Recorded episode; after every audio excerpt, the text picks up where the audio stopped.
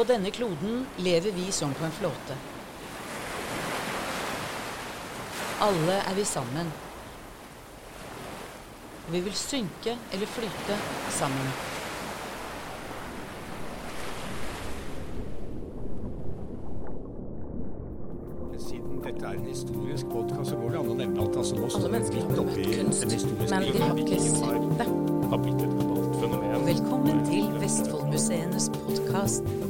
'Tidsfordriv'. I dag, 6. oktober, markerer vi Thor Heyerdahl sin bursdag. Thor Heyerdahl-instituttet er en del av Vestfoldmuseene. Og i denne episoden snakker vi med Beate Bjørge og Tor Buås, som har jobbet med Thor Heyerdahl sin kulturarv i mange år. Du som lytter vil også være med oss når vi diskuterer hva som faktisk gjør en vitenskapsmann, og hva som gjør en eventyrer, men det er en annen episode. I denne episoden skal du få høre og lære mer om en mann jeg rett og slett vil våge å påstå er større enn livet selv. Thor Heyerdahl.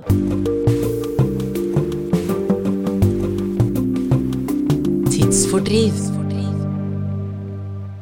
Thor Heyerdahl. Han var veldig stolt av å være født i Larvik, samtidig som han også var eh, en verdensborger, for han var veldig ung. Ryktene sier at Thor Heyerdahl vokste opp i et nydelig hus i Larvik, og at han hadde et, barndom, eller, eh, et barnerom, barneværelse, hvor han hadde et vindu hvor han titta utover retning Skagerrak, og at han alltid skal ha drømt om å seile av sted. Ja, Tor Heyerdahls barndomshjem har jo dette fantastiske barnerommet. Så når du kommer opp der og kikker, kikker utover Larviksfjorden og så videre, så er det klart at det her Tor Heyerdahl som var et enebarn, han har hadde tid og mulighet, drømte mye. Han var også et veldig beskytta enebarn, så vi vet at han måtte finne på veldig mye i huset og rundt huset. Så han lagde jo bl.a. også sitt eget zoologiske museum, da, Dyrenes hus i garasjen.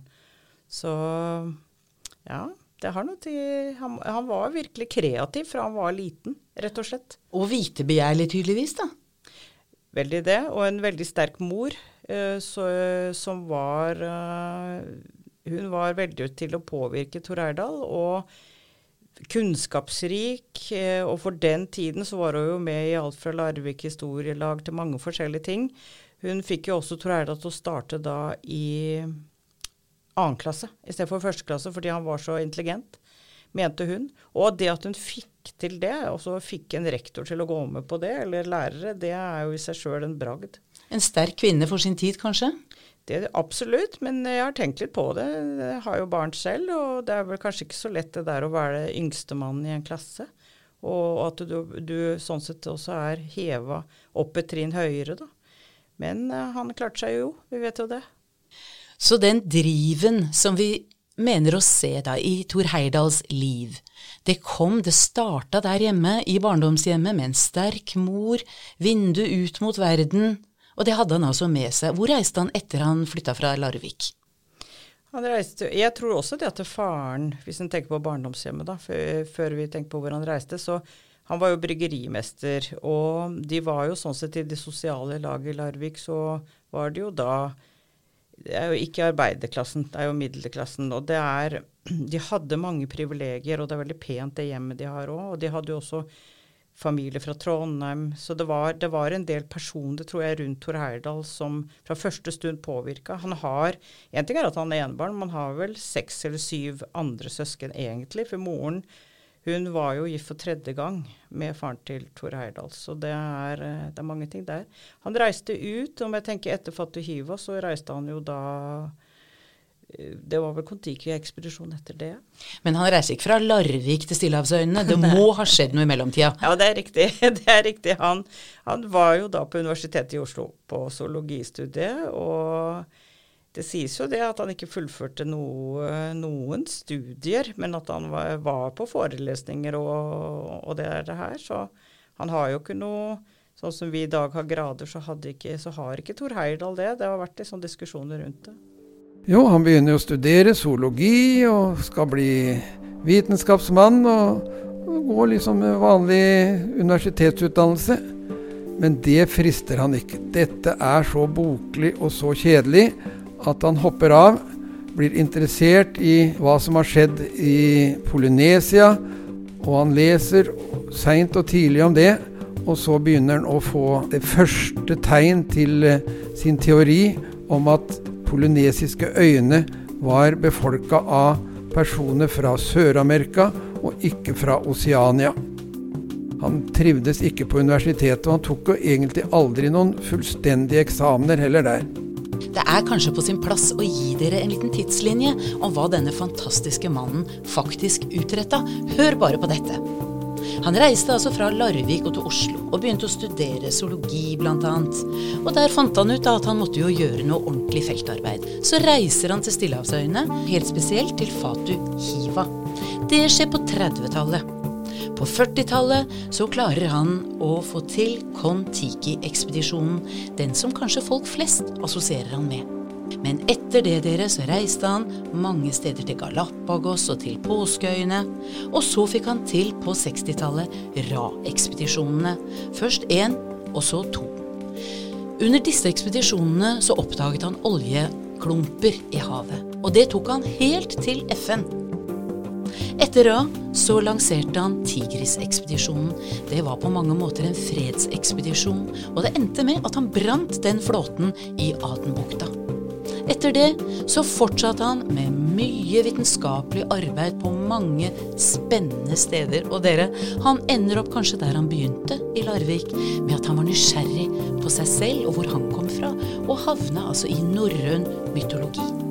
Jakten på Odin var hans aller siste prosjekt. Så han hadde dette i seg at han ville ut og gjøre feltarbeid, da kanskje, eller? Ja, det er et godt poeng. Det tror jeg virkelig. At han var veldig opptatt av sine hypoteser, og sånn sett også skulle bevise det. Det som er veldig viktig å være klar over, var at Tor Heyerdahl han reiste ikke alene og skulle bevise det. Han hadde alltid med seg Han var en stor prosjektleder.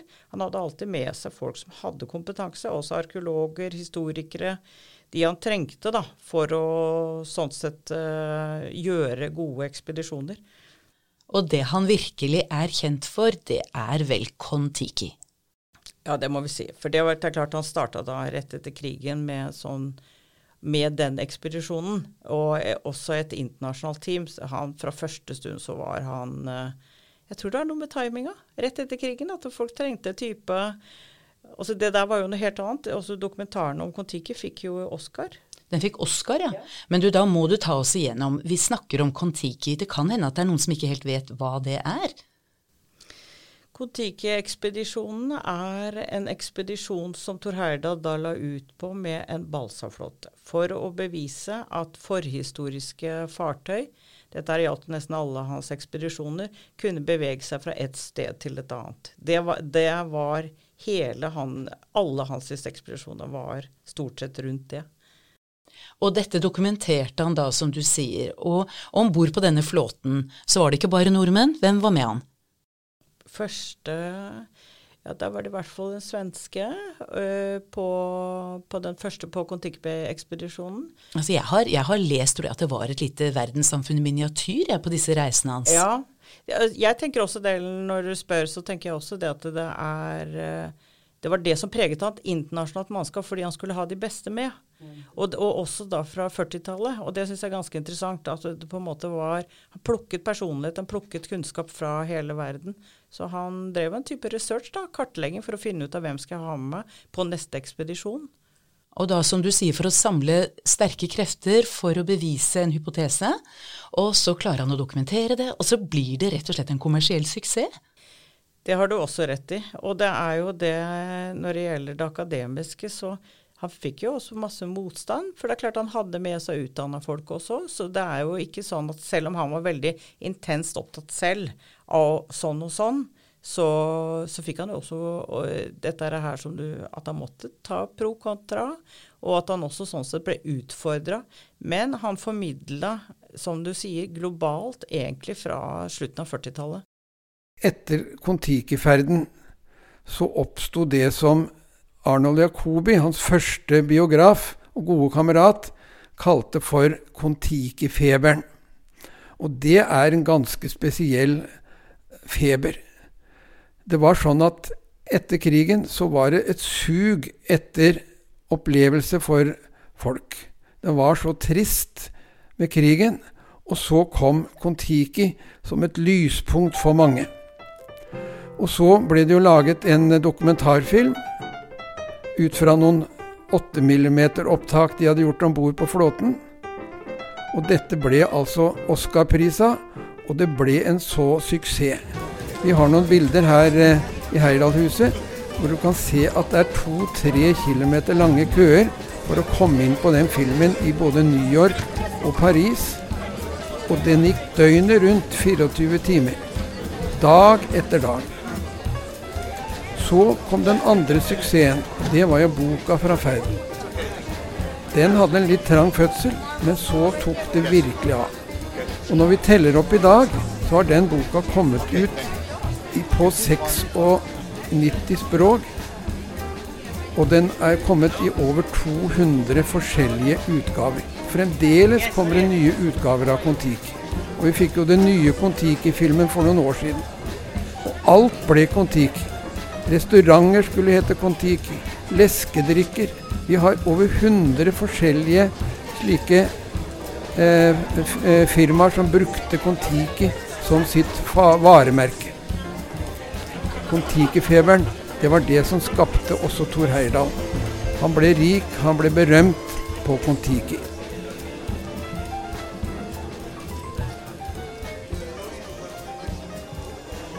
Dette handla jo altså om å bevise at noen hadde kunnet seile over havet i de tidligste tider på farkoster som gikk med vindene.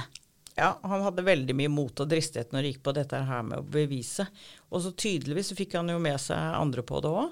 Jeg, jeg, har selv sett uh, avtalen på de som skulle på Kon-Tiki-ekspedisjon, og det var jo uten styreegenskaper på den flåten som uh, i dag så ville vel kanskje noen tenkt at uh, hva er jeg begir meg ut på her? Klarer vi det? Og de stranda jo også på rev. Så i Stillehavet. Og dette har vi jo sett noe av, for de som vi da var inne på tidligere. Det ble laget en dokumentar som fikk kommersiell suksess, og så er det ikke så veldig mange år siden det ble laga en ny film i Norge om Kon-Tiki-ekspedisjonen, hvor vi får da fornya innsikt og aktualitet på omkring da hvem Thor Heyerdahl var. Og det var selvfølgelig ikke bare vind, det var havstrømmer. Og spenningen er jo har disse havstrømmene kanskje forandra seg? Var det noe av det han var opptatt av? Ja, det har du helt rett i. Dette er det her med havstrømmer, forhistoriske fartøy, og det han også fant av alt fra søtpotet til eh, DNA. Uh, det er mange ting. Det, det, var veldig mange ting som han fikk disse internasjonale teama da, til å undersøke sammen med seg selv. Men han tok alltid den rollen som formidler, kanskje av resultatene av ekspedisjonen. Og han var jo, sånn som de forteller meg i hvert fall, jeg var jo heldig å møte Tor Heyerdahl, men sånn som de forteller de som har jobba sammen med han, veldig vinnende vesen. Kjempegodt humør, og at han også var veldig sterk. Arbeidsnarkoman. En karismatisk type? Absolutt. Og gikk jo også i helt korrekte kakedresser og var pent kledd når han skulle være det. Så han eh, sjarmerte eh, jo også selvfølgelig damene.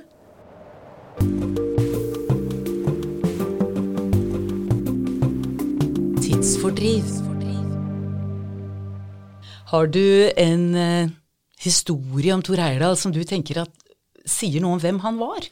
Ja, det, jeg har en historie som jeg syns er liksom betegnende på det her med at det er veldig mange som tror at Tor Heyerdahl var en eventyrer. Og det, det, likte han jo ikke selv å bli kalt. Og det her har jeg fra barna hans og barnebarna hans. Så, så han var jo arbeidsnarkoman. Han tok veldig tok, Hadde alltid jeg tror det er søndagene de sier at han hadde litt fri. Ellers så hadde han ikke fri og jobba hele tida. Veldig engasjert og, og intens når han da var i disse prosjektene sine, og også forberedte seg til, til, ekspedisjoner og etterpå. For da var det også mye lanseringer. Ja, så en av de arkeologene som da jobba sammen med han, som heter eh, Øystein Kokk Johansen, doktor Øystein Kokk Johansen, arkeolog, han sa det at uh, både han og Arne Sjølsvold, som også var arkeolog, jobba sammen med han på et prosjekt, tror jeg, i Tucumé i Peru Uh, og da grua de seg til å si at de hadde lyst til å dra hjem til jul. For de visste at det, det, var alltid litt vanskelig med sånne ting, og han ville jo helst ikke at de skulle dra hjem. Og hvis de skulle dra hjem, så måtte de komme fort tilbake. Så da hadde de eh, utsatt det til det lengste og si at de ville dra hjem til jul, og så gjorde de det. Og så sitter eh, i hvert fall sånn som han forteller han så sitter han og så spiser han julemiddag, og så hører han at faksen går opp i annen etasje. Og så tenker, eh, prøver han liksom å overse det og bare spise videre. Så tenker han det er jo ikke mulig, for det må jo være Thor. Og så går han opp etterpå, og da står det altså Først så står det God jul. Faksen vet ikke at det er jul, og så kommer alle beskjedene under. Den syns jeg er morsom, fordi det sier noe om hvor uh, intens han var da, hele veien. Så han kunne heller ikke la de få lov til å bare hvile, selv når de trengte litt fri. Så han levde sine prosjekter, altså? Absolutt, og han hadde også veldig stor hjelp av konene sine. Konene? Så, ja, konene må jo si det. Han hadde jo tre koner. Hei, her må jeg bare hoppe inn et lite sekund. Når vi sier at Thor Heyerdahl hadde tre koner, så mener vi ikke tre koner samtidig. De kom altså etter hverandre. Han var jo en spennende mann, men det får da være måte på. Ja, konene må jo si det. Han hadde jo tre koner. Så, så han var jo en kvinnesjarmør. Og de var så flinke til å både hjelpe han med prosjektene, de skrev notater, holde orden. Eh, så disse For eksempel eh, Ja, hva skal jeg si da? Jeg vil nesten si at alle sammen av de var de var jo så gode medspillere for han. Altså, de var jo koder og mødre, og i tillegg så hjalp de han veldig mye. Så han var Han må jo på en eller annen måte ha engasjert de veldig òg, da. Må på mange måter ha vært en heldig mann, tenker jeg, som har hatt så støttende kvinner omkring seg. Men du, hva kan du tenke om Thor Heyerdahls utvikling? For fra da den første ekspedisjonen til Kon-Tiki, så vet vi at hans siste ekspedisjon, det var med Tigris. Det er en ganske lang reise. Helt riktig. Og han var eh, Han bevega seg jo fra dette her med å sette fokus på f.eks. med Rada. Også dette er med å være veldig opptatt av verdenshavet, som han kalte det. Ikke verdenshavene, men verdenshavet. Så du har helt rett at han bevega seg veldig. Tigris, som da igjen var uh, fred. Fokus på fred. Og også det at han uh, han brant Tigris, så han lagde Han var jo hele sitt liv, sånn som du starta med å si, veld, med dette her med vi alle på en felles flåte. Han var veldig opptatt av å fortelle at vi må hver dag fokusere på dette her med verden. Og det, I dag så er det ganske vanlig, men det var ikke så vanlig sånn han prata filosofisk på en måte fra 40-tallet. Så jeg tror han har vært en litt sånn fremmed fugl den tiden der, men i dag så er det litt mer det er litt mer politisk korrekt, sånn som han prater. Så hva er det vi sitter igjen med til Thor Heyerdahl da? Tenker du det at han var rett og slett litt forut, som du sier, for sin tid?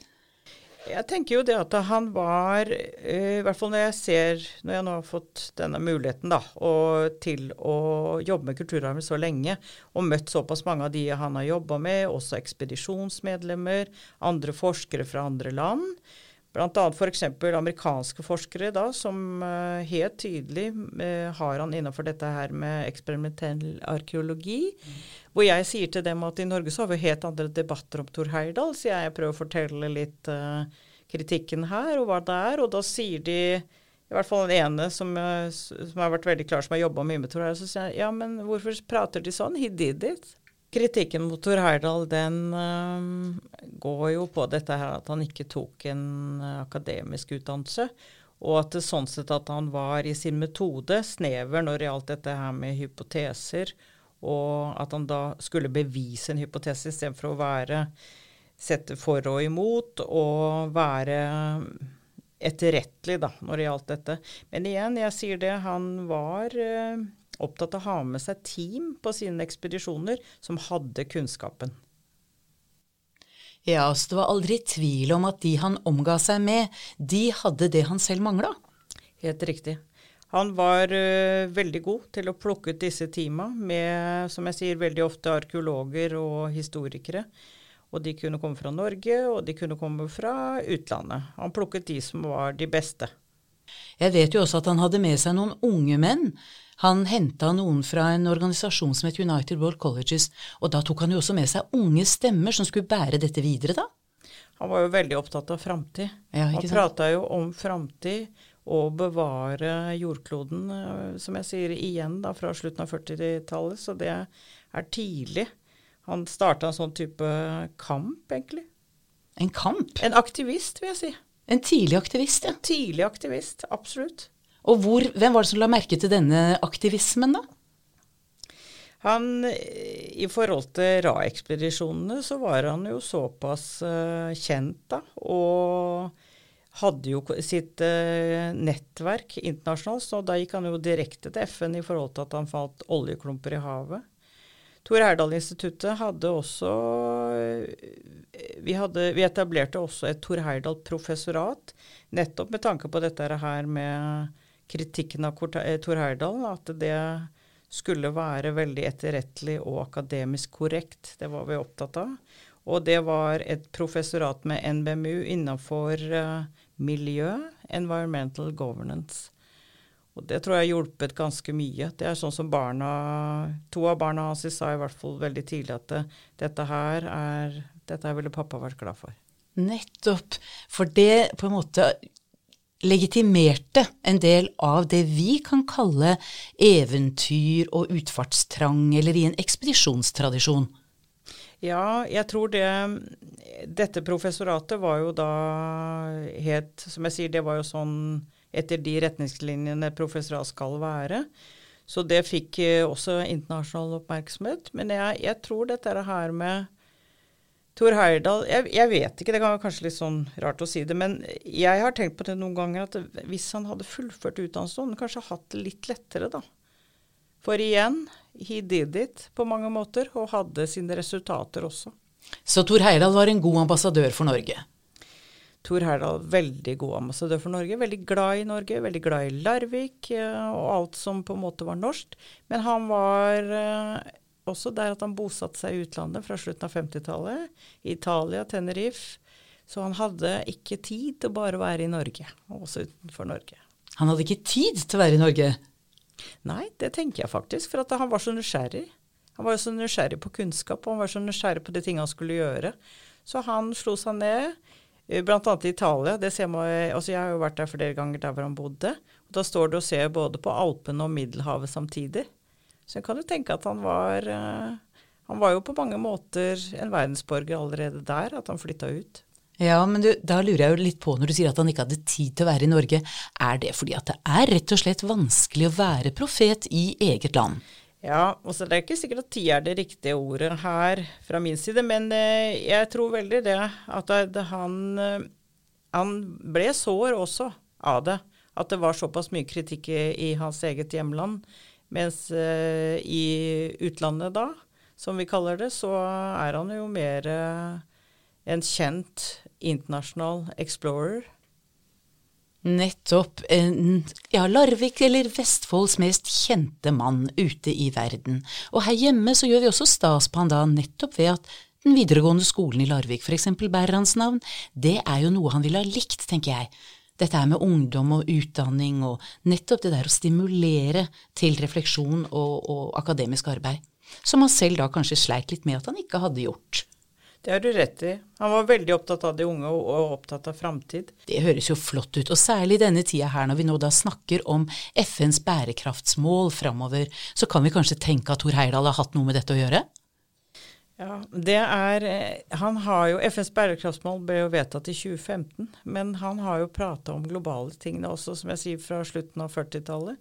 Så, så de er eh, I dag så er jo de veldig politisk korrekte å jobbe etter, men det er eh, I forhold til Tor Heyerdahl så så Han har alltid prata sånn, så jeg har tenkt litt på det. Jeg ser jo, jeg har sett masse i forhold til arkivmateriale rundt han også. og han har vært sånn fra han var liten. Skrev mye, filosoferte mye.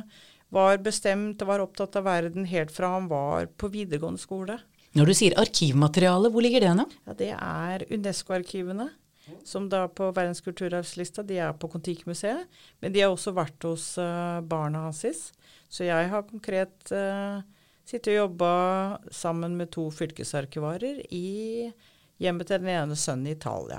Og gått igjennom det. Det er spesielt når du sitter med brevene og hvordan han tegna og hva han mente og sa. Han, han skrev ufattelig mye. Hver dag. Hver dag? Ja, altså ikke, Kanskje ikke hver dag, men det er så mye etter han. Ja, det må være mange hyllemeter Ja, det du ja, beskriver det nå, da. Det er det.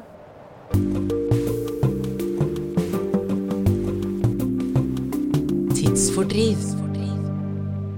Altså jeg, jeg tenker det at eh, jeg, jeg er heller ikke så sikker på at han var så opptatt av å være helt, men jeg tror han var mer der at han hadde noen ting å formidle. Han var opptatt av det globale. Han var jo opptatt av hva skal man si da? Som jeg sier, miljø, verdenshavene, som i dag er helt topp politikk. Internasjonale store konferanser over ocean i regi av, alle, av 50 land. Utenriksdepartementet i Norge veldig sentral der. Han, han har holdt på med å fortelle oss at vi skal bevare jorda fordi vi er alle sammen på samme flåte. Ja, nettopp. Det Fra var jo der vi begynte. Det var der vi begynte. Mm, nettopp. Ja. Ja, Beate, det å da løfte fram arven etter Thor Heyerdahl, som da befinner seg, som du sier, som meter på meter med arkivalia i, i hyller et eller annet sted, de blir ivaretatt. Og du jobber med å ivareta det og synliggjøre han og hans liv og virke. Det som står igjen for vanlige mennesker, ser jo ut til å være det som har fått et slags kommersielt preg, altså Kon-Tiki-ekspedisjonene. Så tror du det er mulig å løfte han som vitenskapsmann, og at han blir på en måte reinvaska?